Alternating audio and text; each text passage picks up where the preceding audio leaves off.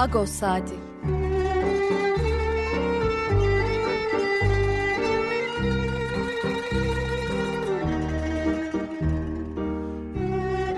Haftalık Agos gazetesinin penceresinden Türkiye ve Dünya gündemi. Agos'un mutfağından haberler, söyleşiler, olaylar.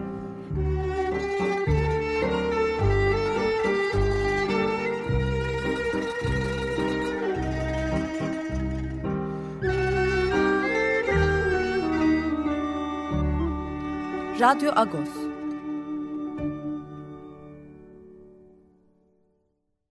Radyo Agos'tan günaydın Parlus. Ben Yetver Tanzikyan. Bugün 29 Ekim Cumartesi bir Cumhuriyet Bayramı daha kutluyoruz.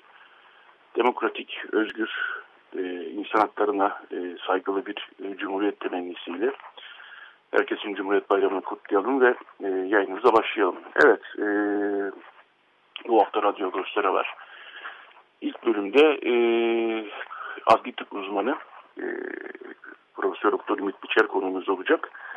Ümit Biçer'le e, Türk Tabipleri Birliği Başkanı Profesör Doktor Şebnem Korur Fincancı'nın e, tutuklanması vesilesiyle hem tutuklanmasını konuşacağız hem de Şebnem Korur Fincancı adli tıp konusunda, hak savunuculuğu konusunda e, uzun yıllar çalışmış bir isim. E, ömrünü buna da, da desek yeridir. Bunları konuşacağız. İkinci bölümde Profesör Doktor Ayhan Aktar e, konumuz olacak. E, Ranting Vakfı binasında e, önümüzdeki hafta 4-5 Kasım'da bir e, konferans e, gerçekleşecek. İstanbul 1914-1922 Savaş Çöküş, İşgal ve Direnişin Tarihi Konferansı gerçekleştirecek. E, konferansı hazırlayan ekipten Profesör Doktor Ayhan Aktar e, konuğumuz olacak. Son bölümde de spor yöneticisi e, Bağış Erten konumuz olacak. Bağış Erten'le de sabah akşamı kaybettiğimiz büyük bir kayıp Halit Kıvanç'ı konuşacağız. Onun spor yorumculuğunu, gazeteciliğini konuşacağız. E, programımızın akışı e, genel olarak böyle. Ne çaldık girişte? E, İranlı Kürt müzisyen Şahram Nazeri'yi dinledik. Şirin Şirin e, parçasını dinledik. E, arkada bir orkestra vardı. Gomitos Orkestrası. Çok önemli bir konserdi bu. Konser dinledik. Evet, e, yayınımıza geçelim. E, çok fazla konumuzu bekletmeyelim. Ümit Bey günaydın, hatta mısınız?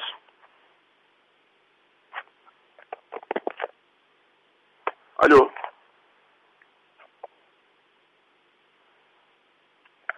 Alo. Alo. Ha. Evet. E, konu meselesi sakta değil. E, ben o zaman biraz e, bahsedeyim gelişmelerden. E, yani radyo, açık radyo dinleyicileri, radyo göz dinleyicileri biliyor olsalar gerek. E, Profesör Doktor Şebnem Korur Fincancı e, kimyasal silah iddialarıyla ilgili olarak geçtiğimiz hafta e, bir yayına katılmıştı ve o yayında e, değerlendirmelerde bulunmuştu. Bu değerlendirmeler bir suç unsuru e, sayıldı e, savcılık tarafından. E, aslında ama ondan öncesinde de hedef gösterilmişti. Hem iktidar medyası tarafından hem de iktidarın kendisi tarafından hedef gösterilmişti. Ee, ve bu hedef gösterimin neticesinde e, önce hakkında bir soruşturma başlatıldı ki yurt dışından gelmişti aslında e, ve ifade vereceğini söylemişti. E, bu hedef gösterilmenin sonucu olarak e, önce gözaltına alındı, e, Ankara'ya götürüldü, evinden gözaltına alındı, evinde arama yapıldı. Bu arama görüntüleri e, medyaya servis edildi e, ve elinde suç unsuru bulunduğu gibi hiç ikna edici olmayan e, yayınlar yapıldı. E, daha sonra e, Ankara'ya götürüldü.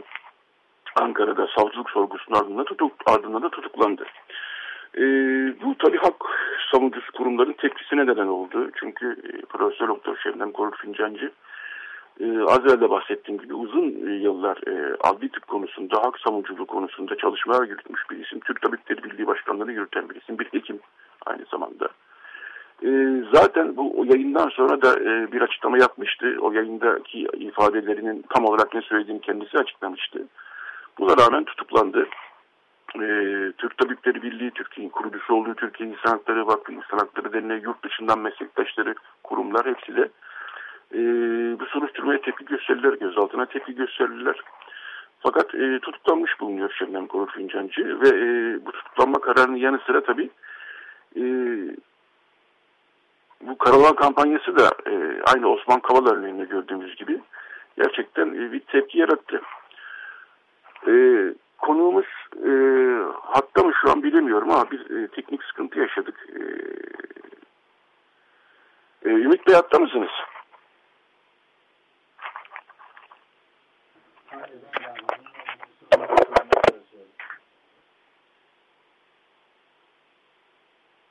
Evet duyuyorum ben sizi. E, merhaba Ümit Bey. E, ben bir teknik sıkıntı var. E, rejide sormam lazım. Bu sabah bir teknik sıkıntıyla başladık yayına. E, hatta mıyız e, rejide? Yayında mıyız?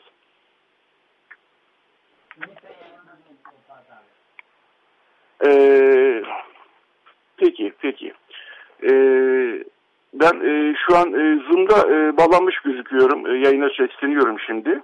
Pardon Ümit Bey, e, e, bir yayında sıkıntı oldu. E, birazdan çözeceğiz meseleyi. Tamam.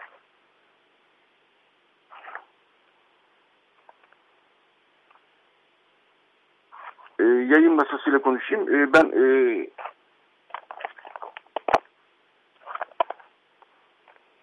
ben e, yayına bağlamış gözüküyorum. Yayın masası benim sesimi duyuyor mu acaba? Hı, peki tamam. Ee, evet. E, evet Ümit Bey'le bağlantıyı kurduk aslında ama bir teknik sıkıntı nedeniyle e, henüz sesini duyamıyoruz Ümit Bey'in. Evet ben e, tekrar e, tekrar edeyim. E, bu arada e, şunu da söylemek lazım. E, sadece e, Şebnem Korur Fincancı değil. E, Güneydoğu bölgesinde faaliyet gösteren e, 11 gazeteci de gözaltına alınmıştı. E, onlar da dün akşam tutuklandılar. E, yani hak savunuculuğu konusunda gerçekten sıkıntılı günler yaşıyoruz. E, bunu da e, not etmek lazım. Onlar da e, geçtiğimiz günlerde e, gözaltına alınmışlardı. E, hatırlamakta 2-3 ay kadar önce de bir gözaltı e, olmuştu. Bölgede faaliyet gösteren gazetecilerle ilgili olarak. Onlara tutuklanmışlardı. E, onların e, tutuklanmasının ardından böyle bir e, tutuklanmada bölgede e, gazeteciliğin ne kadar zor olduğunu da açıkçası bize gösteriyor. E, ben tekrar yayın masasına e, sormak durumundayım. E, Ümit Bey'le henüz bağlantıyı kuramadık galiba değil mi? Peki Ümit Bey'i e, telefonla mı bağlasak acaba? E, Zoom'da bir sıkıntı var sanıyorum. E, bu sabah bazen oluyor. E, dinleyicilerimizden de e, kusura bakmamalarını rica ediyoruz. Peki e, Ümit Bey'i birazdan e, telefonla bağlayacaklar. Zoom'la ilgili bir sıkıntı yaşıyoruz. Ben dinleyicilerimize çok sık söylemiştim bunu. E, pandemiden bu yana e, yayınlarımızı e, Zoom üzerinden yapıyoruz. Fakat Zoom üzerinde bazen sıkıntı olabiliyor. Dolayısıyla bu konuda biraz açıkçası anlayış rica ediyoruz dinleyicilerimizden. Evet bu sabah e, Fakrates Tükyan yok fark etmişsinizdir tahmin ediyorum. Fakrates Tükyan yine bir İstanbul dışı seyahatinde. E, dolayısıyla e, bu bölümde Fakrates Tükyan'ın sesini arayanlar için de e, bunun notunu iletmiş olalım. Evet, e, Şemnem Korur Fincancı'nın e, tutuklanma Evet etkilere neden oldu demiştik. E, bilhassa Birleşmiş Milletler raportöründen bir e, açıklama gelmişti. Yine yurt dışında beraber iş yaptığı e, kurumlardan açıklamalar gelmişti ve tutuklanmanın ne kadar haksız bir tutuklanma olduğunu da söylemişlerdi. Hrant Dink Vakfı ödülü sahibi, aynı zamanda Uluslararası Hrant Dink Vakfı ödülü sahibi Şebnem Korur Fincancı. E, onlar da bu tutuklamanın ne kadar hukuksuz olduğunu e, belirten bir açıklama yaptılar. Ee, evet Ümit Bey yaptı mı acaba? Evet, e, iyi günler diliyorum. İyi günler, iyi günler Ümit Bey. E, kusura bakmayın bir e, teknik sıkıntı oldu. Hemen zaman kaybetmeden başlayalım isterseniz. Ben bir girizgah yaptım. O girizgahta da Profesör Doktor Şebnem Fincancı'nın insan hakları alanında adli tıp e, alanında ne kadar e, önemli işler yaptığını da aktardım. Tutuklamanın ne kadar hukuksuz olduğunu yönünde kurumlardan gelen açıklamaları aktarmıştım. Siz de bir adli tıp uzmanısınız. E, dolayısıyla e, uzun yıllarda birlikte çalıştığınız, yaptığı işlere tanık oldunuz. E, biz tutuklamayla ilgili e, hukuksuz olduğunun önündeki değerlendirmeleri, e, açıklamaları aktardık. Evet.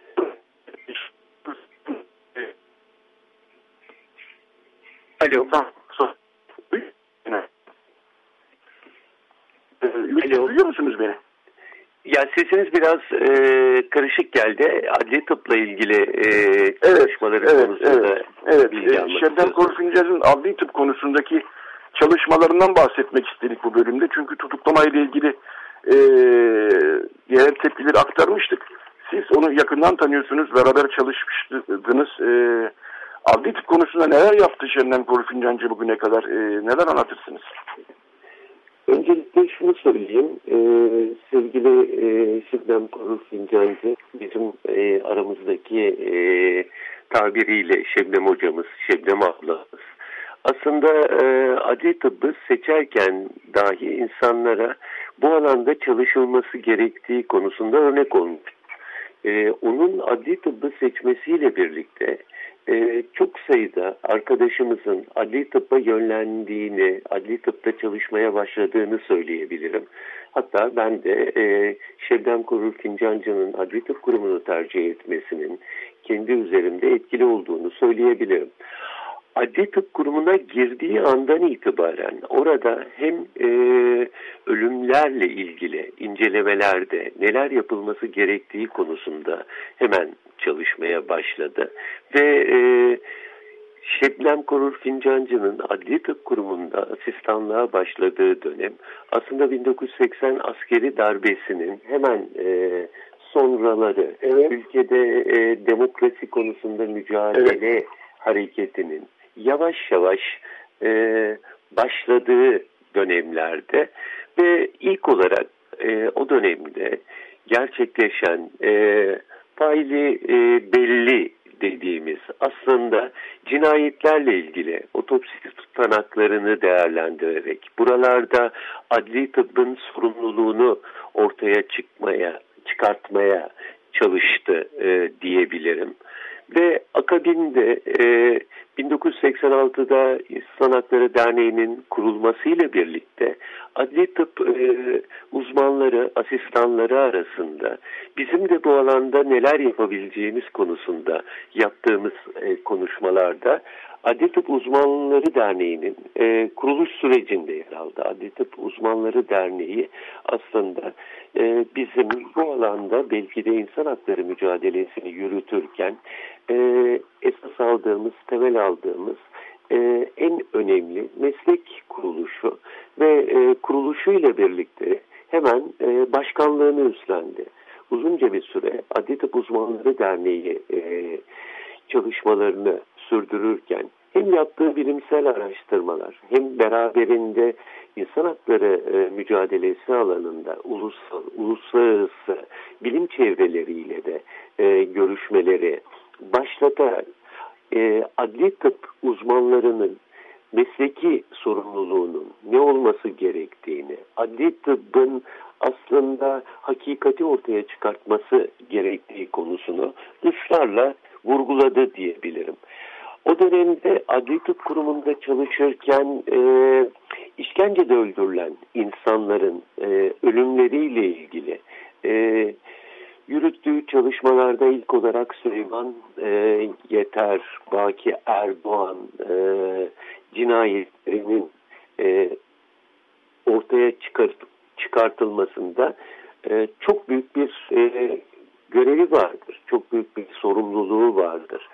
E, bu e, süreçte uluslararası protokollerin etkisini de hissederek özellikle canlı getirilen kişilerin adli tıp muayenelerinde işkencenin saklanması için e, yapılması gerekenler konusunda uluslararası e, bir kılavuz hazırlanması, Birleşmiş Milletler'in buna sahip çıkması için çok yoğun çabalarda bulundu. Ve e, 1996 yılından itibaren e, hem ulusal hem uluslararası e, kurumlarla, kişilerle, insan hakları savunucularıyla görüşerek 1990 yılında İstanbul Protokolü'nün ortaya çıkmasında çok büyük bir e, emek e, harcadı. E, en son e, 2022 e, yılında Birleşmiş Milletler tarafından yeni versiyonun hazırlanma sürecinde de yaklaşık iki yıllık bir e, katkı sağlayarak bu e, belgenin e, editörlerinden biri oldu. E, Şebnem e, hocamız e, adli tıp alanında hem işkence ile ilgili yürüttüğü bu çalışmaların yanı sıra diğer taraftan ölümlerle ilgili olarak da e, ölümlerin e, resmi otoriteler tarafından gizlenmesi, örtbas edilmesi, hatta e, toplu öldürmeler e, sürecinde insanların kaybedilme pratikleriyle ilgili olarak da Bosna'da e, birlikte e, yaptığımız çalışmalarda sonrasında Türkiye'ye döndüğümüzde Marmara depreminde Marmara depreminde e, ölen e, insanların hem ölüm nedenlerinin belirlenmesi, kimliklerinin belirlenmesi sürecinde e, çok büyük bir sorumluluk aldı. Dernek başkanı olarak orada adli tıp uzmanlarının e, hem eğitimini hem koordinasyonunu hem e, bu konuda e, gerçekten yakınlarını kaybeden insanların o ölülerine nasıl ulaşabileceği konusunda e, hepimize e, rehberlik e, yaptı diyebilirim. Adli alanında sayısız bilimsel çalışmaları var kadına yönelik şiddet konusunda yalnızca ulusal ölçekte değil, uluslararası ölçekte de e, çalışmalarda, kılavuzlar oluşumunda yer aldı. E, Türk Ceza Yasası'nın e, güncellenmesi sırasında adli tıpta yaşadığımız sıkıntılarla ilgili olarak e, önerdiğimiz e, tıbbi standart değerlendirme ölçeklerinin oluşum e, süreçlerine katkı verdi. E, ve belki de bugün e, hepimizin e, bir şekilde hatırladığı Manisalı Gençler davası dediğimiz davada. Özellikle e, hapishanede olan belki de bir hekime ulaşmakta güçlük çeken e, çocuklarla ilgili e, raporlama sürecinin nasıl olması gerektiği konusunda görüşerek hem vücut diyagramlarının kullanılması hem çocuklarla yapılan görüşmeler hem bulguların değerlendirilmesi konusunda e, insan hakları savunucuları, avukatlar, meslektaşlarıyla yaptığı çalışmalarla e, bir anlamda Manisa'daki e, gençlere e, yönelik işkencenin e, ortaya çıkmasına e, katkı sağladı. E, sonrasında e, hem Türkiye İnsan Hakları Vakfı'nın e, kurucuları arasında yer aldı. İnsan Hakları Vakfı'nın e, insan hakları e, alanında sürdürdüğü bilimsel çalışmaların da e, içinde aktif olarak bulundu. E, ruhsal travma toplantılarının e, düzenlenme süreçlerinde e, kendisi Türkiye İnsan Hakları Vakfı Başkanı olarak da bu toplantılarda e, sağlık alanında çalışan tüm kesimlerin sağlığı bütüncül e, ele alması, işkencenin e, rehabilitasyon, onarım ve giderim meseleleri konusunda da e, bize önayak oldu diyebilirim. E, evet. Diğer taraftan belki de e, bir de Cizre'de e, öldürülen insanlarla ilgili olarak e, o dönem e, hemen gidip e, hızlı bir şekilde ön değerlendirme yaptı. E, dolayısıyla bugüne kadar herhangi bir yerde bir ölüm, bir işkence olduğunda hızla oraya koşan, orada hakikatin ortaya çıkarılması için nasıl bir çalışma yapılması gerektiğini söyleyen, oradaki bulguları değerlendiren, yorumlayan ve insan hakları e, alanında olduğu kadar adli tıp alanında da e, bizim için çok saygı değer, e, kendisiyle gurur duyduğumuz bir adli tıp uzmanıdır. Son zamanlarda kamuoyunda kendisinin adli tıp çalışmaları şu ya da bu şekilde e, tartışılıyor. Ama özellikle şunu ifade etmek istiyorum. Ee, Şebnem Korur Fincancı'nın adli tıp alanında e, yaptığı çalışmaları e, tartışmak, bunlarla ilgili e, fikir e, söylemek aslında hiç kimsenin haddi değildir. Çünkü hem sayısız e, makalesi, bu alanda kitap editörlükleri, bu alanda e, yaptığı konferanslardaki konuşmalar ve bunlara yapılan atıflarla onun ne kadar saygın bir adli tıp uzmanı olduğu e, herkes tarafından e, öğrenilmelidir e, diye söylüyorum.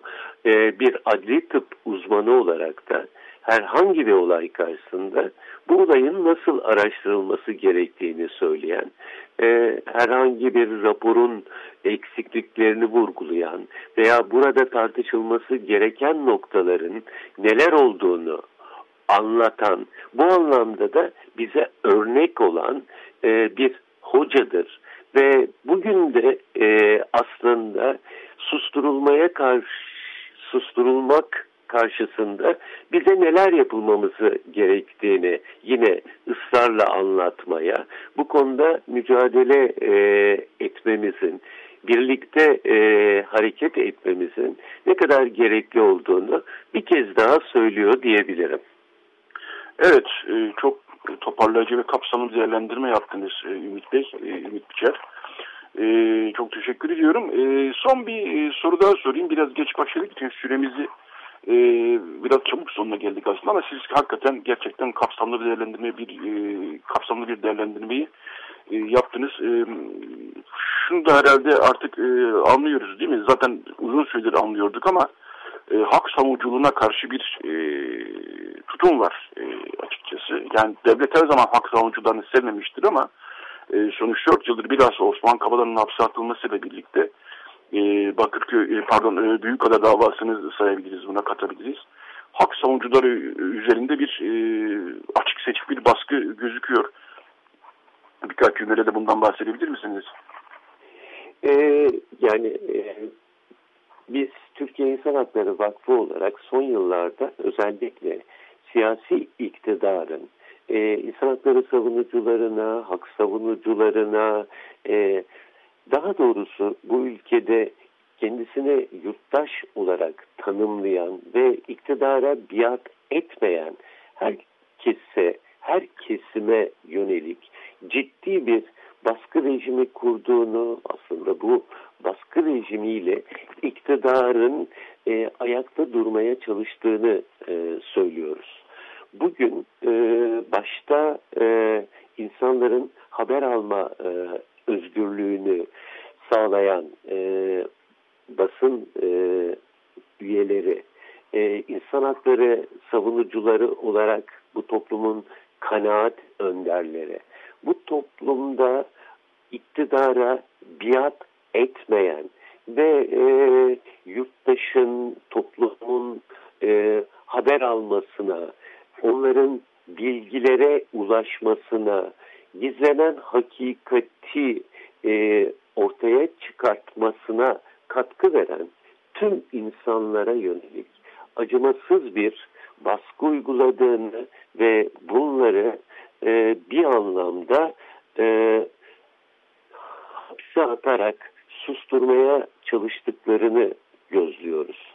E, hapse atmaları hakikatin e, gizlenmesine, hakikatin e, ortadan kalkmasına hiçbir dönem yol açmaz. İnsan hakları savunucuları e, ins, e, düşünce ifadesini özgürce söyleyenler e, bu sözlerini e, hapse atıldıklarında da söylemeye devam edecekler. Şebnem hocamız da e, aslında e, dün e, yolladığı mesajda onur duyduğu iki şeyden birinin e, kızını doğurmak, diğerinin de insan hakları savunucularını tanımak, insan hakları alanında mücadele etmek olduğunu söyledi ve insan hakları alanındaki mücadeleyi de ısrarla sürdüreceğini, insan hakları mücadelesinin bizi birlikte bu e, baskı rejimine, bu belirsizlik rejimine karşı ayakta tutan yegane şey olduğunu söyledi. Evet, iktidar belki bugün e, insanların haber alma özgürlüğüne, hakikati e, ortaya çıkaranlara yönelik e, çabalarla hakikati gizlemeye kalkışıyor ama e, hiçbir zaman ne e, basın ne e, bilim insanları ne de insan hakları savunucuları susturulamaz. Ben Şebnem hocamızın hem insan hakları savunucusu olarak hem e, e, bir bilim insanı olarak e, onurumuzu savunduğunu, savunmaya devam edeceğini ve bu baskı rejimine e, rağmen e, insan hakları savunucuları, siyasetçiler, kanaat önderlerine yönelik bu baskının sonuç vermeyeceğini ifade etmek istiyorum. Evet, e, çok teşekkür ediyorum. Profesör Doktor Ümit Biçer, adli tıp e, uzmanı. E, onda Profesör Doktor Şebnem Korur Fincancı'nın, Türk Tabipleri Birliği Başkanı'nın adli tıp alanında yaptığı çalışmaları e, konuştuk. E, haksız bir tutuklama olarak değerlendirildi, bulundu. Gayet de normal bu. Bunları konuştuk. Ee, çok teşekkür ediyorum Ümit Hocam. Ee, yayına katıldığınız Ben çok teşekkür ediyorum. İyi yayınlar diliyorum. Teşekkür ediyorum. Sağ olun. Teşekkür ederiz. Evet, e, Radyo Agos'ta şu şimdilik bir şarkı arası veremiyoruz. Biraz zamanı e, geç başladık yayına. Dolayısıyla bir reklam arası verelim. Reklam arasından sonra Radyo Agos devam edecek. Radyo Agos. Evet, Radyo Agos devam ediyor. Ne dinledik? İlda Simonya'nın harika sesinden bir Gomidas denemesi oynazan dinledik. İlda Simonyan Türkiye doğumlu, Hollanda'ya yerleşmiş bir e, şarkıcı, ses sanatçısı. Yeni bir albüm çıkardı geçtiğimiz haftalarda. E, Jaran Kutyun, Miras e, ve e, Gomidas derlemelerini yorumları seslendirdi. E, Böylelikle biz de geçen hafta da çalmıştık bir İlda Simonyan. Bu hafta da bir İlda Simonyan çalalım, İlda Simonyan çalalım dedik. Evet bu bölümde Profesör Doktor Ayhan Aktar e, konuğumuz. E, Ayhan Hoca ile önümüzdeki hafta yani haftaya Cuma Cumartesi 4-5 Kasım'da e, Rantik binasında gerçekleştirilecek bilimsel bir konferans var. Onu konuşacağız. Konferansın ismi İstanbul 1914-1922 Savaş, Çöküş, İşgal ve Direnişin Tarihi. E, Ayhan Hoca da e, konferansı hazırlayan ekipten. E, günaydın hocam, hoş geldiniz. Ha, hoş bulduk Edward, nasılsın? Teşekkürler, iyiyim. Siz de iyisiniz umarım. İdare ediyoruz. Sağ Evet, düz sizi aradığımda e, konferansta çalışıyorum demiştiniz. E, Ekim ayında, her sene Ekim ayında ya da Kasım ayı başında Ranting Vakfı bir konferans gerçekleştirir. E, uluslararası bir konferans olur. Bu yurt dışından katılımcılar da olur. Bu yılki konferansın başlığı da az evvel bahsetmiştim. İstanbul 1914-1922 Savaş Çöküş, İşgal ve Direnişin Tarihi. E, hayli e, geniş bir katılımcı listesi var. Hilmar Kaiser, Evangelia Ahladi, Alexandros Makris, Konstantin Andrinopoulou, Vaya Taşyan, e, Andreas Baltas, e, Dimitar Tasic, e, Alison Panelas, Alison, e, Engin Kılıç, Talat Ulusoy, Baki Tezcan, e, sayamayacağım kadar bunların hepsini isim olarak İsrail bunların hepsini ranting.org sitesinden e, programı e, görebilirsiniz. Detaylı programı görebilirsiniz. Evet hocam e, gayet kapsamlı gözüküyor. 1914-1922 aslında çok kritik bir dönem hem Osmanlı İmparatorluğu için hem de İstanbul için. E, Birinci Dünya Savaşı'nın dört yıllık bir kesit gibi gözükmekle beraber içinde çok fazla şey var. E, neler konuşulacak bu konferansta öyle başlayalım isterseniz. Ee, evet, ee, öncelikle günün mana ve ehemmiyetiyle ilgili e, bir söz de söyleyelim. Herkesin Cumhuriyet Bayramı'nı kutlayalım. Umarım Elbette. E, e, demokratik bir cumhuriyetin işleyişini e, ömrümüzde görürüz. E, böyle bir temenniyle başlayalım. Şimdi e, 1914-22 aslında Cumhuriyete giden bir dönem. Yani e, savaşla birlikte Osmanlı Devleti'nin e, bir anlamda çöküşü, ondan sonra işgal başlıyor. O daha sonra bir milli mücadele hareketi başlıyor. Ee, önce ufak, sonra genişliyor, büyüyor. İkili iktidar yapısı çıkıyor. Bir İstanbul ve çevresinde e, padişaha bağlı güçlerin iktidarı. Bir de Ankara'da millici bir hükümet çıkıyor. Şimdi bu arada Hrant Vakfı biliyorsunuz e, bugüne kadar birçok konferans yaptı. Daha çok e, taşra şehirleriyle ilgili yapıyordu. E, yani işte Adana, Diyarbakır, Mardin, Van, İzmir, Kayseri gibi e, toplantıları yapıyordu. E, İstanbul biraz geride kalmıştı. Fakat İstanbul çok önemliydi tabii. Çünkü İstanbul olmadan milli mücadele olmazdı. Ee, İstanbul olmadan e, bütün bu farklı siyasi projeler anlaşılamazdı, anlatılamazdı. Ee, İstanbul işgaliyle birlikte uluslararası ilişkiler açısından önemli bir dönem yaşadık. Bu çerçevede bu yıl İstanbul'la ilgili bir konferans düzenlemeyi düşündük. bu konferans işte iki gün sürecek.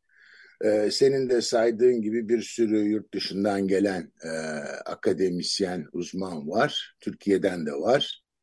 Ve e, 1914-22 arası olup bitenleri tartışacağız.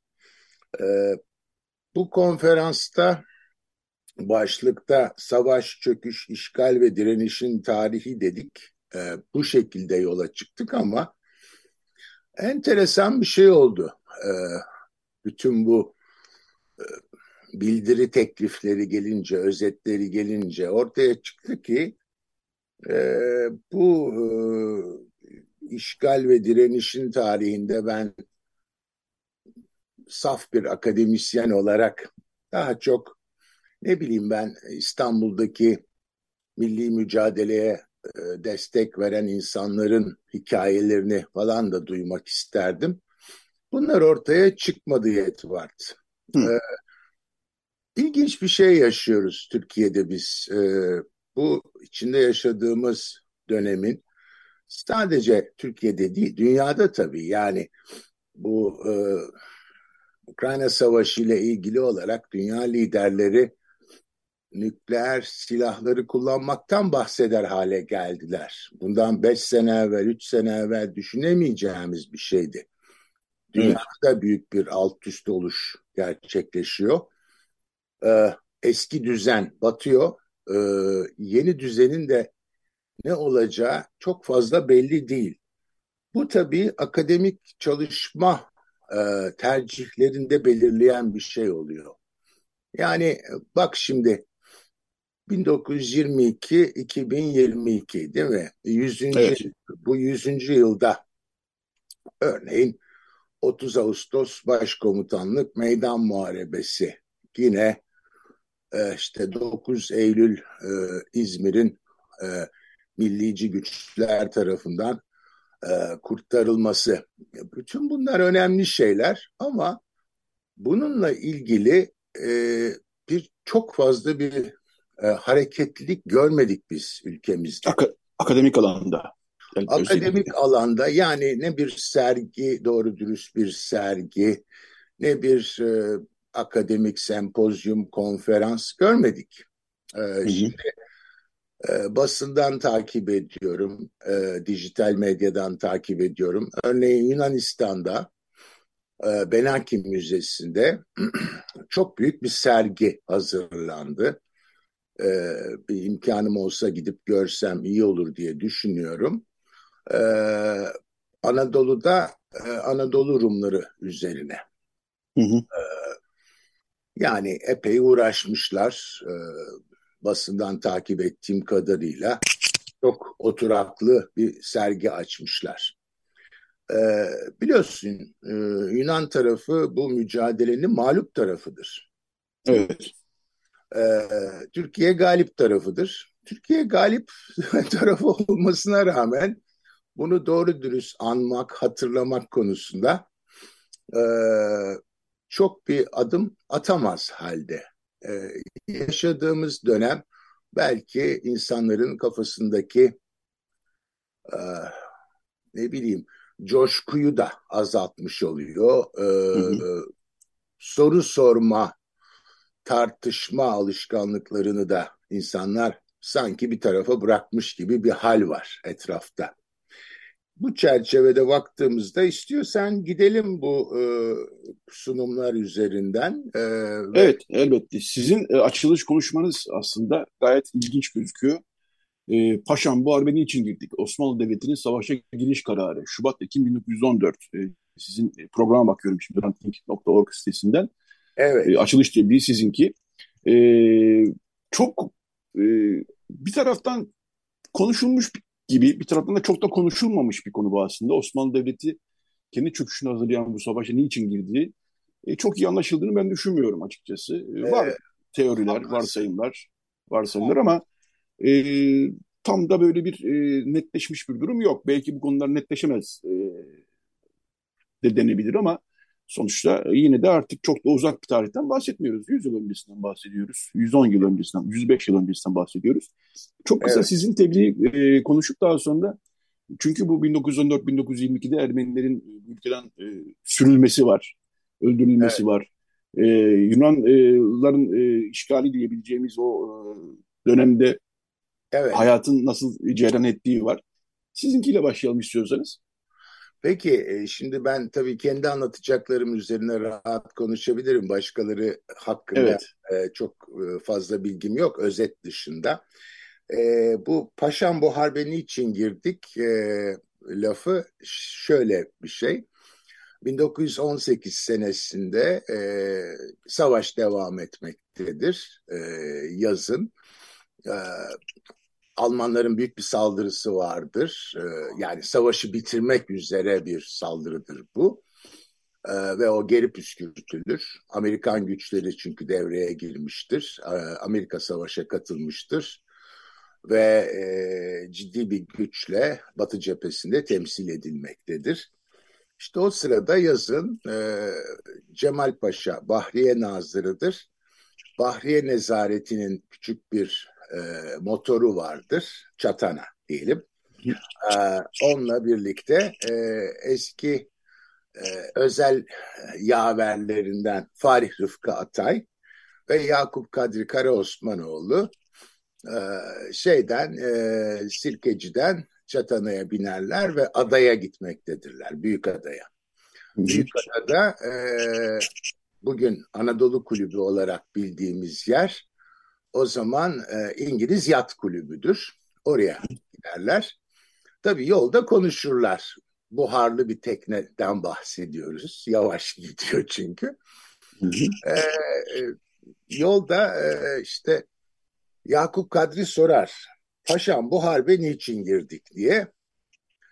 Cemal Paşa da bütün açık sözlülüğü ve rahatlığıyla maaş ödemek için diye cevap verir. Ee, çünkü e, Enver Paşa savaşa girebilmek için Alman yardımını gerekli görmüştür.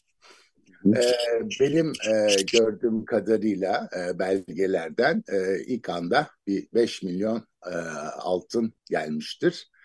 E, bu para e, geldikten sonra Enver Paşa savaşa giriş kararını verir ve o büyük provokasyonu yapar. O büyük provokasyonda nedir?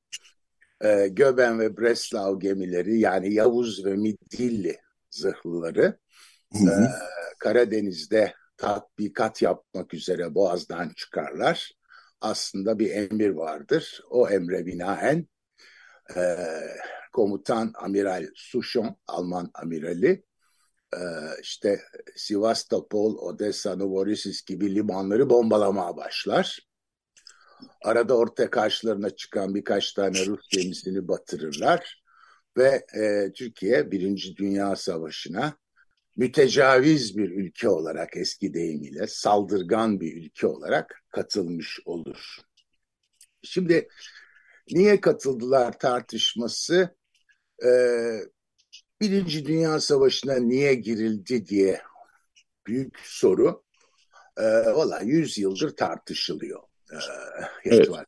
E, bu tartışmanın e, belgeleri artık açık. E, yani Bolşevikler iktidara gelince 1917'de Ekim devriminden sonra e, Troçki e, Dışişleri Bakanı olur ve Dışişleri Bakanlığı arşivindeki belgeleri yayınlamaya başlarlar. E, bu Türkiye'nin paylaşım planları diye bilinen belgeler ortaya çıkar. Bütün e, gizli e, yazışmalar ortaya çıkar e, ve tartışma o sırada başlar aslında. Evet. E, şimdi e, ama bu tartışmaların bir özelliği vardır. O da şudur.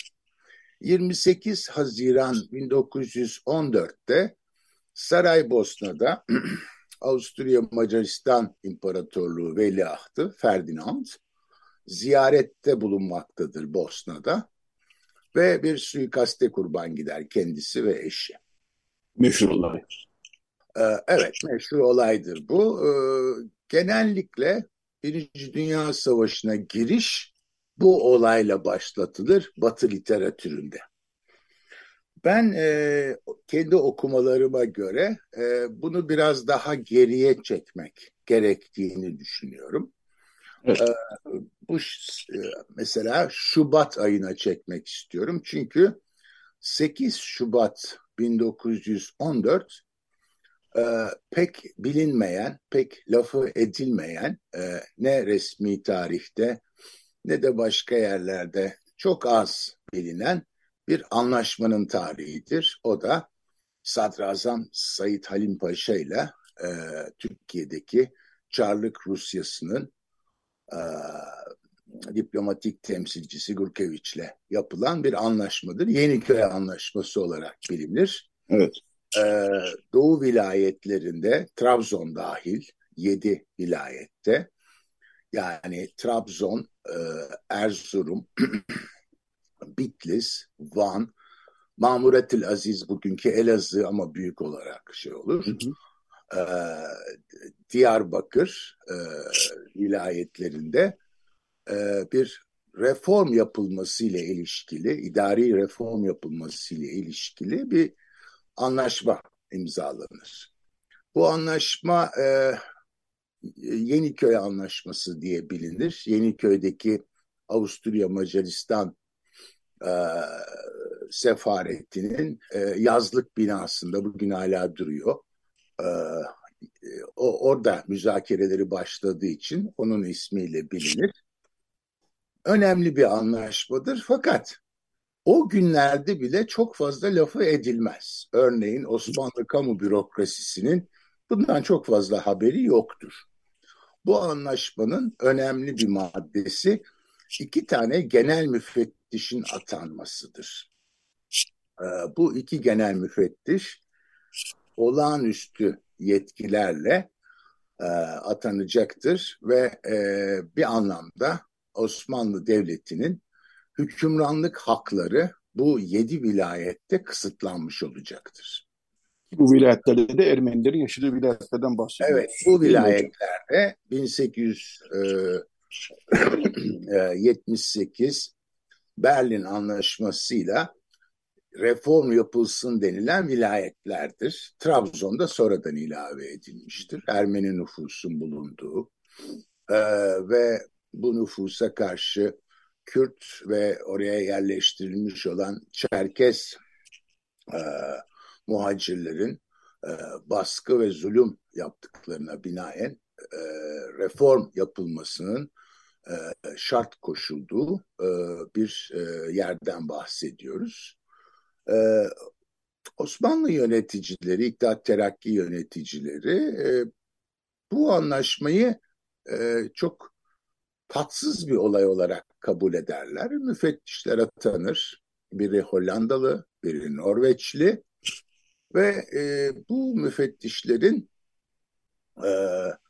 göreve başlamaları için e, inanılmaz bürokratik engeller çıkmaya başlar. İşte Nisan ayından itibaren ve Haziran'da Bosna'da o suikast gerçekleştikten sonra e, bu müfettişlere tamam artık bu şartlarda savaşa gidiyoruz e, herhangi bir reform yapılamaz diye kapı gösterilir. E, onlar da Türkiye'yi terk etmek zorunda kalırlar. Hocam e, isterseniz burada bir e, çok detaylara girmeyelim çünkü zamanı daha iyi Tabii. kullanmak adına şu ana kadar anlattıklarınızdan gayet e, merak ettirici bir e, tebliğ sunacağınız evet. anlaşılıyor zaten. Evet, ee, ben bunlarla uğraştım birkaç aydır. Evet. Dolayısıyla evet. böyle bir sunum yapacağım. Evet, e, ben kısaca birkaç başlık ben kısaca bir baş birkaç başlık okuyayım e, isterseniz. E, mesela Mütareke İstanbul'un da hapishaneler, medeniyete uygunluğun siyasallaşmış mekanları sunumu var. Yunan evet. Devleti'nin İstanbul'daki yetimhaneleri denetlemesi sunumu var. Hilmi Kaiser'in İstanbul ve Ermenilerin direnişi sunulmuşu var. Evet. E, keza Müslüman aileler ve Müslüman kurumları tarafından evlat edinilen Rum Ortodoks yetimlerin durumu sunumu var. Gayet ilginç e, sunumlar bunlar gerçekten. Şimdi biliyorsun e, savaşın e, en e, yani savaşta erkekler cephede ölür ama kadınlar dul kalır, çoluk çocuk ortada kalır. E, ve 1918-22 arası İstanbul hakikaten e, her etnik ve dini gruptan yetimlerin e, yoğun olarak bulunduğu, dul kadınların yoğun olarak bulunduğu bir yerdir. Ve işgal İstanbul'unda e, örneğin Yunan devleti e, Rum çocukların e, bakımı için yetimhaneleri e, yetimhanelere yardım eder, e, finansman sağlar e, ve e, bu bu süreç içinde bir sürü gerilim, bir sürü tartışma ortaya çıkar. evet, tabii ki bu toplantıda e, mesela Andreas Baltas'ın e, sunumunda e, İstanbul'da spor ve ulusal ideolojiler Rum spor kulüpleri diye bir şey var. Yani mesela bu dönem e, İstanbul'da futbolun yaygınlaştığı bir dönemdir. Sonra Baldrian'ın e, mesela sunumu Ermenice çıkan bir kadın dergisi, Hijin dergisinin perspektifinden Türkiye'de Ermeni kadınların durumu, aslında Ermeni dulların durumudur bu. Evet. Diplomasi tarihi açısından ilginç şeyler var. Ee, mesela e, Claire e, Lebrun'un e, sunumu Ankara'yı ve İstanbul'u temsil etmek, e, Türkiye'de ikili hükümet hali ve Osmanlı diplomatları biliyorsun 1920-22 arasında Ankara'da Türkiye Büyük Millet Meclisi ve meclisin içinden çıkan hükümet var. Bir de İstanbul hükümeti var. Ee, diplomatlar açısından zor bir durum. Sonra bireysel hikayeler var. İşte Savas Tilenes'in Arya Klondia'nın savaş dönemi İstanbul hatıraları. Ee, sonra Alison Panelas'ın e, bu savaş sonunda yok olan bazı e, e, devletlerin tabiyetine mensup insanların hali. Ali Okumuş'un e, Birinci Dünya Savaşı sonrasında İstanbul'da Gülbenkian ailesi üzerine bir şey var. Bir de e, bu dönemin, bu büyük çalkantı döneminin e, sanatta, edebiyata e, yansımaları var. Örneğin Engin Kılıç'ın Türk romanı ve İşgal İstanbul'u, e, Baki Tezcan'ın Merhametten Kayıtsızlığa, Halide Edip'in Mütareke Dönümü gazete yazılarında Osmanlı Ermenileri, e, bunlar önemli. E, Özde Çelik Temel'in savaş yıllarında sinema. İlk defa doğru dürüst yani bilet alınıp girilen sinemalar bu dönemde açılır. Nesim Ovadye İsrail'in mütareke yıllarında İstanbul'da Ermenice tiyatro faaliyetlerinin yükselişi. Yani evet işgal vardır, e, böyle bir karmaşa vardır ama e, insanlar bu savaş dönemi bittikten sonra, basında sansür ortadan kalktıktan sonra bir e, başkent İstanbul'da kendilerini sokağa atarlar ve sinema tiyatro birden cazip olur. İki tane ilginç e, sunum daha var. Timur Saitov'un Rusya'daki iç savaştan kaçıp işte, işgal İstanbul'una sığınanlar. E, Bir de Anush Hovanesyan'ın Mütareke İstanbul'un mikrokosmosu ve beyaz Rus göçünün kaderi. Bu da çok önemli çünkü e, Sovyet devriminden sonra ortaya çıkan iç savaşla birlikte e, bu savaşı Bolşevikler kazanıyor ve e, Beyaz Rus dediğimiz e, Beyaz Rus ordusu, e, Denikin'in ordusunun mensupları e, yani yüz binin üstünde insan e, İstanbul'a geliyorlar. Bunların bir kısmı Erat, Gelibolu'da falan tutuluyor ama subaylar ve onların aileleri İstanbul'a geliyorlar. E, İstanbul'a e, Beyaz Rusların İstanbul hayatına, kültürüne ciddi bir katkıları var. E, ilk defa plajlar ortaya çıkıyor mesela. Evet, evet, evet. Denize girme alışkanlığı Beyaz Ruslardan başlayan bir alışkanlık. E, ve e, tabii onlar e, aslında çok sefil vaziyette geliyorlar. Yani e, savaştan kaçıp geliyorlar. Bunun yarattığı yeni şeyler var. E, bir sürü e, beyaz Rus hanım e, işte garsonluk yapmaya başlıyor. E, lokantalarda, birhanelerde, barlarda çalışmaya başlıyor. E, dolayısıyla bu konferans sadece öyle katır kutur diplomasi tarihi falan filan değil bir anlamda sosyal tarihin de mercek altına alınacağı bir konferans olacak. Evet hocam biz de merakla bekliyoruz. E, konferans yüz yüze yapılacak ama e, internetten de Hrant Dink Vakfı'nın e, sosyal medya evet, hesaplarından da e, Türkçe ve İngilizce yayınlanacak. Dolayısıyla izlenebilir. E, izlenebilir. E, gün boyunca sürecek konferanslar yani Cuma ve Cumartesi 4 Kasım, Cuma ve 5 Kasım Cumartesi günleri bu konferansları e, dinleyiciler takip edebilirler. Hakikaten çok ilginç sunumlar var. E, ben de e, kendi adıma e, merakla bekliyorum. Hocam çok teşekkür ederim yayına katıldığınız için. Profesör Doktor Ayhan Aktar e, önümüzdeki hafta gerçekleştirilecek olan e, Hrant Dink Vakfı'nda gerçekleştirilecek olan İstanbul 1914-1922 Savaş, Çöküş, İşgal ve Direnişin Tarihi Konferansı'nın hazırlayıcılarından birisi Profesör Doktor Ayhan Aktar. Ayhan Hoca konuğumuzdu. Konferansın içeriğini konuştuk, kendi sunumunu konuştuk. Çok teşekkürler hocam. Şimdiden kolay gelsin diyorum size. Çok sağ ol davet ettiğin için Yetvart. İyi yayınlar dilerim. Teşekkür ederim. Sağ olun. Evet, Radyo Agos devam ediyor. Bu bölümü e, şarkısız geçiyoruz. E, hemen bir reklam arasında gidiyoruz. E, reklam arasından sonra Radyo Agos devam edecek. Bağış Erten, e, spor yorumcusu, spor yazarı Bağış Erten konuğumuz olacak. Aslında onun da koltuğunda birçok karpuz var. E, onda da e, salı akşamı kaybettiğimiz, 97 yaşında kaybettiğimiz Halit Kıvanç'ı konuşacağız. Evet, Radyo Agos devam ediyor. Şimdi bir reklam arası. Radyo Agos.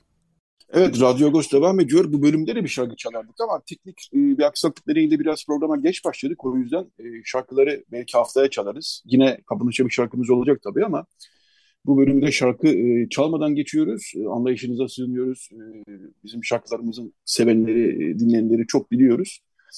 Ama konumuz da önemli. E, Halit abiyi kaybettik. Halit Kıvanç'ı kaybettik. E, Salı akşamı bu hafta içinde. E, Halit Kıvanç kendisiyle yapılan bir röportajın başlığı kitap Nehir Söyleşi'nin başlığındaki e, tarif edildiği gibi bir koldukta çok karpuz taşıyan bir isimdi. Hepimizin hayatına bir yerden dokundu. Yani e, maç anlatımlarıyla, e, Dünya Kupası anlatımlarıyla, olimpiyat anlatımlarıyla, radyodan, televizyondan, spor yazılarıyla, e, spikerliğiyle TRT'de bilhassa 23 Nisan Çocuk Şenliklerindeki performanslarıyla, bunun dışında başka yarışma programlarıyla, Gerçekten e, ve aynı zamanda bir gazeteciydi tabii. E, çok da iyi bir gazeteciydi. E, ve e, son yıllara kadar hep çalıştı, üretti. E, hep yayındaydı, ekrandaydı, mikrofondaydı. Mikrofonda Halit Kıvanç diye de hatta program vardı yanlış hatırlamıyorsam.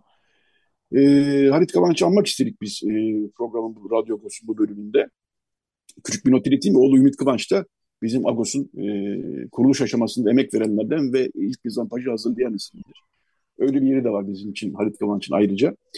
E, konumuz Bağış Erten. Bağış Erten aynı zamanda e, Halit Kıvanç'ın çok e, zevkle okunan kitabı iletişim yayınlarından çıkan Futbol, Futbol derdi o. Futbol Bir Aşk e, kitabının da editörü. Günaydın Bağış, hoş geldin. Günaydın, herkese iyi hafta sonları.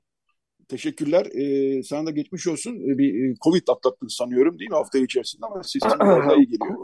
Evet evet Covid olduğunu sanıyorum henüz daha. Sanıyorsun. yani tamam peki. Koku kaybı koku kaybıyla korkuyla.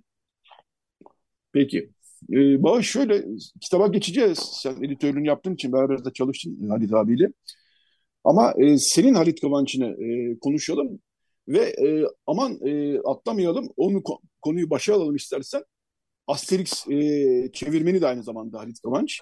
İstiyorsan e, onu hatırlatarak başlayalım ve senin Halit Kıvanç'ını dinleyelim önce. E, bence başta yaptığın tanımlama çok doğru. Yani herkesin bir Halit Kıvanç'a değdiği, e, Halit Kıvanç'ın herkese değdiği gerçeğini bence şöyle anlayabiliriz belki.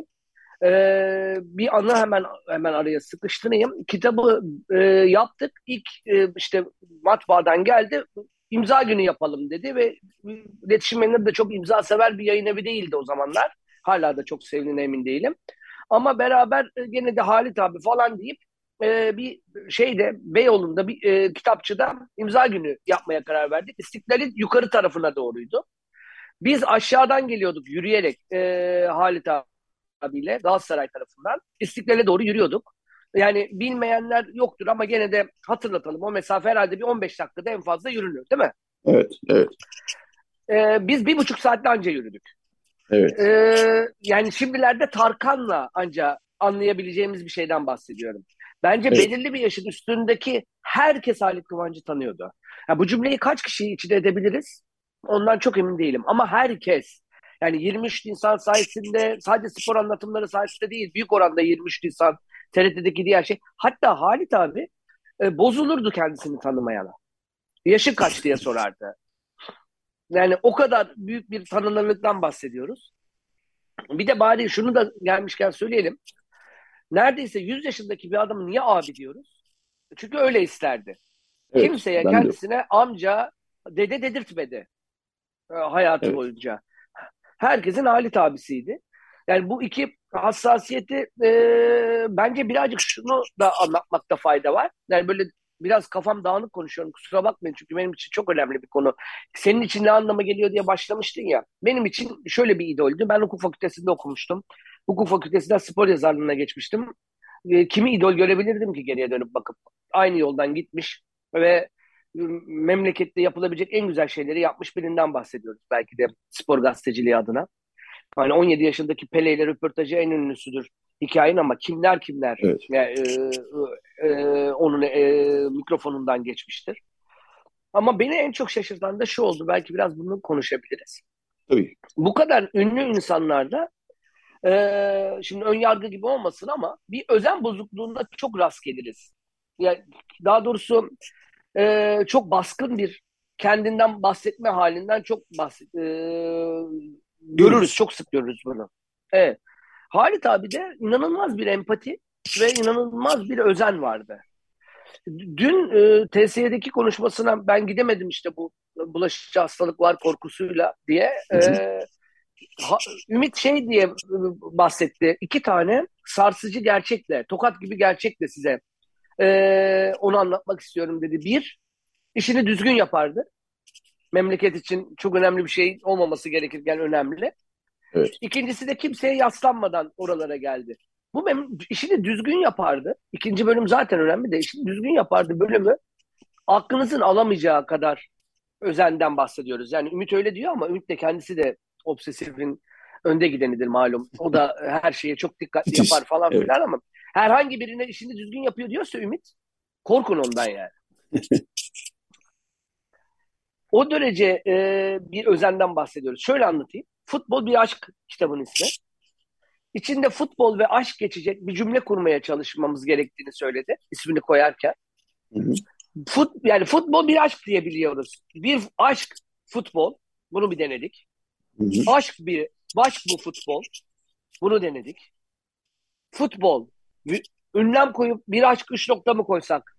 Onu denedik. Yani üç kelimeyle olabilecek bütün permütasyon kombinasyonları denedik. Yani araları işte ünlem işaretleri falan bir türlü tam böyle o hissi alabilmek için defalarca üzerinden geçti. Ben evinde de zaman geçirip arşivinde de zaman geçirmiştim. Unutamadığım şeylerden bir tanesi bir derbi maçının galiba şeyiydi. Ee, elle yazılmış derbi karşılaşmasının kadroları var. Bir e, A4 büyüklüğündeki eski defter dediğimiz defter sayfalarından birine. Hı hı. Onu bantlamış bizim seloteyp bantla. Neden bantladınız dedim. Yağmur mağmur yağar dedi. Sonra bir tane daha buldum. bir tane daha yapmış aynısından. Bir tane daha bantlamış. Bu da kaybolursa diye. Evet. Yani e, e, özeni anlamak için bence güzel iki nokta gibi geliyor bana. Evet. E, kitabınızı e, biraz konuştuk, biraz daha konuşuruz ama yine de e, yani biz e, futbolla ilgilendikten sonra bizim için ayrı bir anlam kazandı tabii ki Halit Kavancı ama her halükarda e, ekranda her gördüğümüzde ben e, öyle bir şey e, kendi sosyal medyamdan e, paylaştım. Sesini duyduğumuz anda ya da gördüğümüz anda e, mutlaka dikkat kesilirdik. Yani ne yaparsa yapsın. ister yarışma programı sunsun, ister 23 Nisan Çocuk Şenliği sunsun. E, büyüdüğümüz zaman bile onun sunduğu e, programları, 23 Nisanlarını 23 Nisan programlarını seyrederdim ben. Yani e, çocuk sadece çocukken değil çünkü onun program sunuşunda, yayın yapışında e, ki ayrı o e, büyüyü, o sihri e, görmemek imkansızdı benim düşünceme göre. E, yarış ilgimizin olmayacağı bir yarışma programını bile ben sadece Halit Kıvanç sunuyor diye izlediğimi hatırlarım. Senin çocukluğundaki Halit Kıvanç'ı da biraz e, anlatır mısın?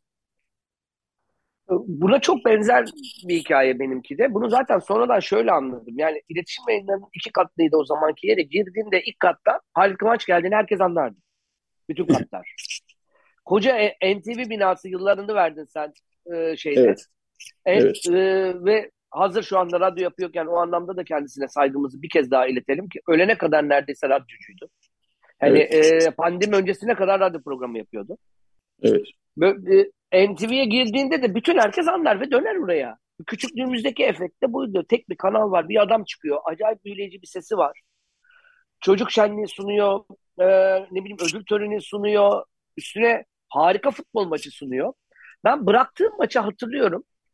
Tarihe baktım insan işte böyle tam anlamıyor. 1983'müş son maçı. Evet hatırlıyorum. Ben o ben 10 yaşındaydım. Çok üzüldüğümü hatırlıyorum. Neden o kadar üzüldüğümü e, şu anda anlamlandıramıyorum mesela. Hani 10 yaşına kadar ne kadar dinlemiş olabilirim ki radyodan maçı. Evet. Ama o bıraktı diye o gün çok üzülmüştüm. Çok net hatırlıyorum şeyi. Ve görece çok genç bir yaşta bırakmıştı kendisinin performansına göre düşünürsen. Doğru. Yani daha bayağı bir şey yapardı o. O Kesinlikle. yaşta bile. Kesinlikle. Ee, kitap çalışmanızı biraz daha istiyorsan e, konuşalım. Çünkü e, ben kıskandım seni açıkçası sonra. Keşke ben de o kitap çalışmasının bir yerinde olsaydım diye. E, biz de çünkü futbolla yani sen tabii ki çok ilgilisin. Yazıyorsun. Meslek olarak da bunu e, seçtin. E, ben biraz e, seyirci olarak, biraz yazı çizi olarak işin e, bir tarafındaydım ama e, böyle bir kitabın içinde olmak e, nasıldı? Valla galiba editörlük yaparken yaptığım en güzel işti. Bunu söyleyebilirim. Galiba değil, kesinlikle öyleydi. Bir kere bir evine çağırıyor, arşive giriyorsunuz. O nasıl bir arşiv? Aman Allah'ım. Yani 1954 Dünya Kupası'nın e, resmi kitapçığını gösteriyor. E, ben e, gözlerim açıldığını görünce al ya senin olsun diyor falan. bir tane plak çıkarıyor. Se, e, 84 olimpiyatları pla, plağı. Onu dinliyoruz. Arşiv içinde inanılmaz görsellerle uğraşıyoruz. Yani bunlar nereden çıktı falan deyip hakikaten insan inanamıyor böyle bir malzemeliğe ulaştığına. Bunu çok özenli bir şekilde yapıyoruz. Unutulmaz bir gene anı olarak şeyi söyleyeyim. Bir gün kitap hakkında konuşuyoruz. Ee, 40. dakika falandı galiba telefonda. Ben önümdeki kağıda bir şey yazıp arkadaşlarıma gösterdim. Çünkü 40. dakikada ikinci olarak dedi. Yani birinci olarak diye anlattığı şey 40 dakikada anlattı. Yani o yüzden kitapla ilgili oradaki özene emeği ben hala inanamıyorum. Çünkü sonradan şunları gördüm. Sen de tevazu gösteriyorsun Yatocuğum. Hani şeyi çok e, yakinen hem takip eden çok sıkı bir spor sever ve hatta yazsa keşke çok güzel yazabilecek bir yazmaya devam etse anlamında söylüyorum bir insandın. Ama Türkiye'de doğayan diye ismi geçen bir takım insanların D'yi Da'yı ayıramadığını biliyoruz. Evet. Yani e, bazı insanların yazısını matbu olarak değil de telefonda okusa da daha düzgün yazsak dediğini biliyorum ben gazetelerde. Evet. Evet. Ya her kelimenin, her cümlenin üzerinden bu kadar geçilir mi? Bir yandan hayatımın en zorlu da kitabıydı. Ama şu anda zorlu olduğunu hiç fark hatırlamıyorum bile. Hiçbir zorluk hatırlamıyorum. ee, o kitap ortaya çıktı. Ee, ben bir de onun bir kardeş kitap daha var. E, İş Bankası'ydı yanlış hatırlamıyorsam. E, Aydın Engin'in e, onunla yaptığı, Halit abiyle yaptığı Aha. Nehir Söyleşi. Bir koltukta çok karpuz. Bu iki e, kitabı okurken aslında şu hissede kapılıyorum. E, hala dönüp dönüp bakıyorum çünkü. E, Aragüler'in hayatını, Nehir Söyleşisi'ni okurken de aynı hisse kapılmıştım. Yani o kadar büyük bir dikkat, özen, öncesindeki çalışkanlık yani bir yayın olsun, e, canlı yayın olsun, her ne olursa olsun onun öncesinde yapılan büyük bir çalışma ve e, neredeyse bütün hayatını o işe adama e, yani o, öyle bir iş varsa yani e, bütün e, vaktini ona ayırma e, ve sonuçta ortaya çıkan çok iyi bir iş. E, bu beni çok hakikaten e, her anlamda e, etkiliyor. Ara Güler'in hayatını okurken de böyle olmuştu. Onu da bu arada analım. Onu da yakın zamanda ölüm yıl dönümüydü geçtiğimiz haftalarda. Hı hı. Ben onları böyle aynı kan grubundan e, diye düşünüyorum. E, şunu da sorayım sana e, Bağış. E, o arşiv diyoruz ama e, nasıl bir arşivdi o? Derya bir şeydi herhalde değil mi?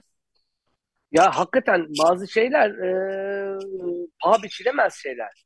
Ve bunları da o acayip bir, bir şeyle e, ne denir özgecilikle tutmuş. Yani hiç öyle şu nerede diyorum mesela o varsa kendi tarihinden bildiğim şey. Ha onu birine vermiştim diyebiliyor. Yani böyle bir tutkulu egoist bir arşiv biriktirmesi olmamasına rağmen Derya Deniz bir şeyden bahsediyorum. Bence onun özenini ve bu arşivin güçlülüğünü en güzel anlatan şeylerden bir tanesi şu. Hani şey sporda çok yaygındır. Maradona bugün oynasa ne yapar diye spekülatif bir şekilde tartışırız ya. Oynayabilir miydi bugünkü ritimde, hızla falan filan. Eski gazetecilerin de e, o dönemde bu dönem farklı, bu dönem aynısı olur mu diyor. En güzel göstereceği şey şu oluyor. Onun bir Dünya Kupası programları vardı hatırlarsın. Dünya Kupası evet. yaklaşırken evet, evet. Dünya Kupası işte her zaman Haziran'da oynanırdı. Bu seneki gibi saçmalıklar olmadığı zamanlar. Haziran'da evet. başlamadan evvel böyle Nisan ayı gibi haftada bir TRT'de bütün Dünya Kupaları teker teker anlatılırdı. Evet. Hala öyle bir programa yaklaşabilen bile yok.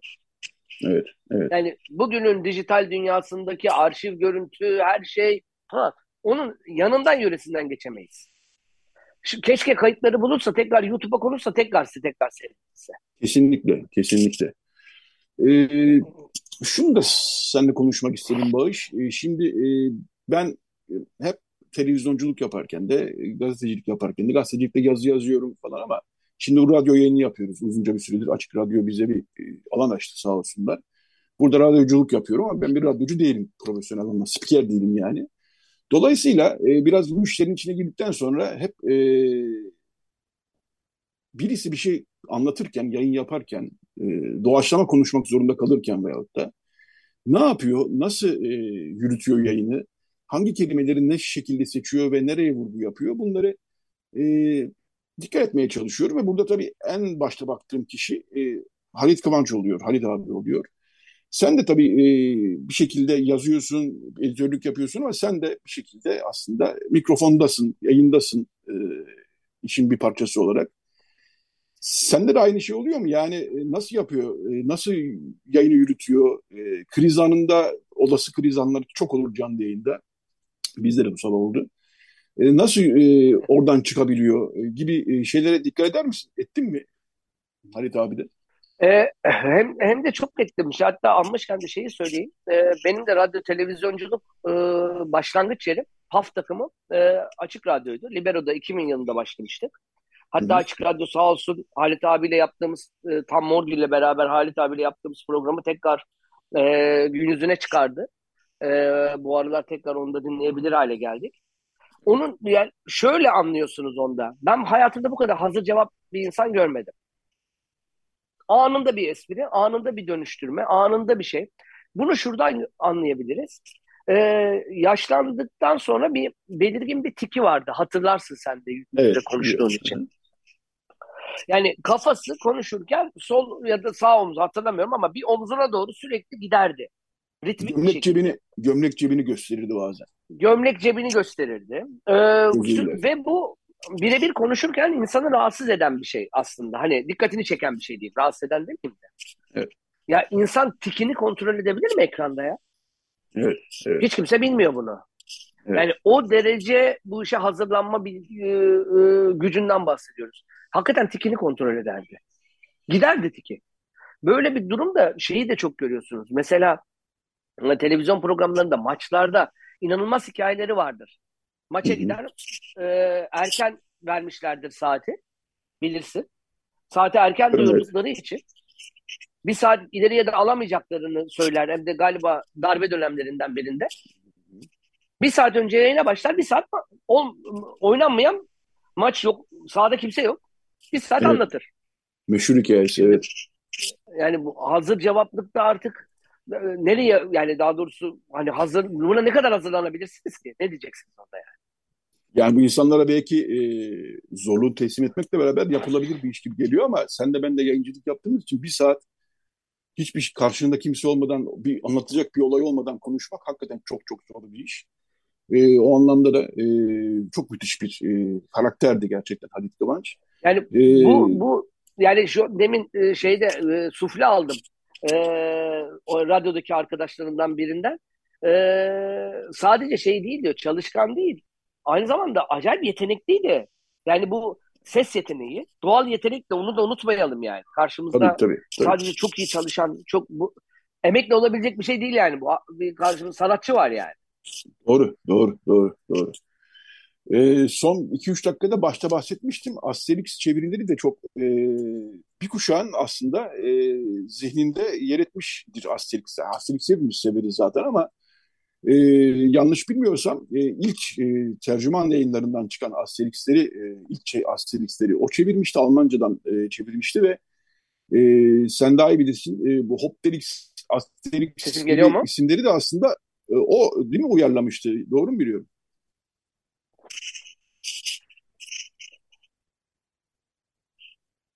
Bağış, duyabiliyor musun beni? Ben şimdi duymaya başladım ama yani seni duydum ne dedi Asterix tercüman tamam. yayınları en son olsun. Evet evet evet. Onun uyarlamaları hepimizin e, zihnine de yer etmiştir. Onu sormuştum sana. Ya valla herkesin bilmediği bir şey. Ee, efsane o ki oğluyla beraber yapmışlar hem de. Ee, en güzel Asterix çevirisi odur. Yeni dönemde tekrar Asterix'i tekrar çevirmişler. Hem de Saadet Özen e, çevirmiş. Çok da güzel. İçinde koronavirüs diye bir kahraman var mesela. O da o yaratıcılığa e, girmiş. Ama o yaratıcılığı yani Asterix'i yaratıcı bir dille çevirme fikrini ortaya koyan Halit abi. Evet. Yani Obelix, Obelix'e Obelix diyorlar şu anda. Bizim Hı-hı. için Hopdelix'tir o. Evet. Deve gücü tazı hızlı şerbetidir. Meşhur evet. güç iksirinin ismi. Evet. Ee, yani o, o kadar yaratıcı ve o kadar e, zevkli bir e, okuma biçimiydi ki Asterix ben çizgi romanları severim. Benim asla favorim değildir ama o çeviriler yüzünden favorimdi yani. Evet kesinlikle. Evet Bağış e, süremizin sonuna geldik. E, her şeyinde konuştuk diye düşünüyorum. Yani konuşmak da bitmez tabii Halit Kıvanç, Halit abi. E, ne diyelim, nur içinde yatsın diyelim gerçekten. E, biz Aragüler öldüğü zaman e, Ağustos'ta şöyle bir manşet atmıştık çoktan ölümsüzleşmişti demiştik. E, Halit abi için de muhtan sanıyorum bunu söyleyebiliriz. Çoktan ölümsüzleşmişti Halit Kıvanç'ta. E, çok teşekkür ediyorum yayına katıldığın için. E, Bağış, e, Bağış Erten. E, hem anılarını paylaştın hem de senin gönlündeki, zihnindeki Halit Kıvanç'ı paylaştın bizimle. Çok teşekkürler. Ben teşekkür ederim valla. Çok özlemişim de Açık Radyo'yu. Sizin evet. programında sıkı takipçisiyim. Hepinize iyi hafta sonları diliyorum. Çok teşekkürler Bağış. Sana da iyi hafta sonu diliyorum. İyi hafta sonları. Teşekkürler. Evet bu hafta da e, Radyo Agos'un sonuna geldik. Recide Baran Baltaş e, yardımcı oldu bize. E, Radyo Agos'u bu hafta bir şarkıyla kapatalım. Bir Ahmet Kaya şarkısıyla kapatalım. Dün çünkü doğum günüydü 28 Ekim. E, onun e, çok sevdiğim bir şarkısını e, dinleyelim. Hep sonradan şarkısını dinleyelim. E, dediğim gibi Radyo Agos'un bu hafta sonuna geldik. Başta birkaç teknik aksaklık oldu. Bunun için tekrar özür diliyoruz dinleyicilerimizden. Ve e, Ahmet Kaya'yla e, veda ediyoruz. Herkese bir hafta sonu diyoruz. Herkesin Cumhuriyet Bayramı'nı da kutluyoruz. E, ve daha demokratik, daha insan haklarının geçerli olduğu, daha özgür bir cumhuriyet temennisiyle bu haftayı bitirelim ve Ahmet Kaya'yı dinleyelim.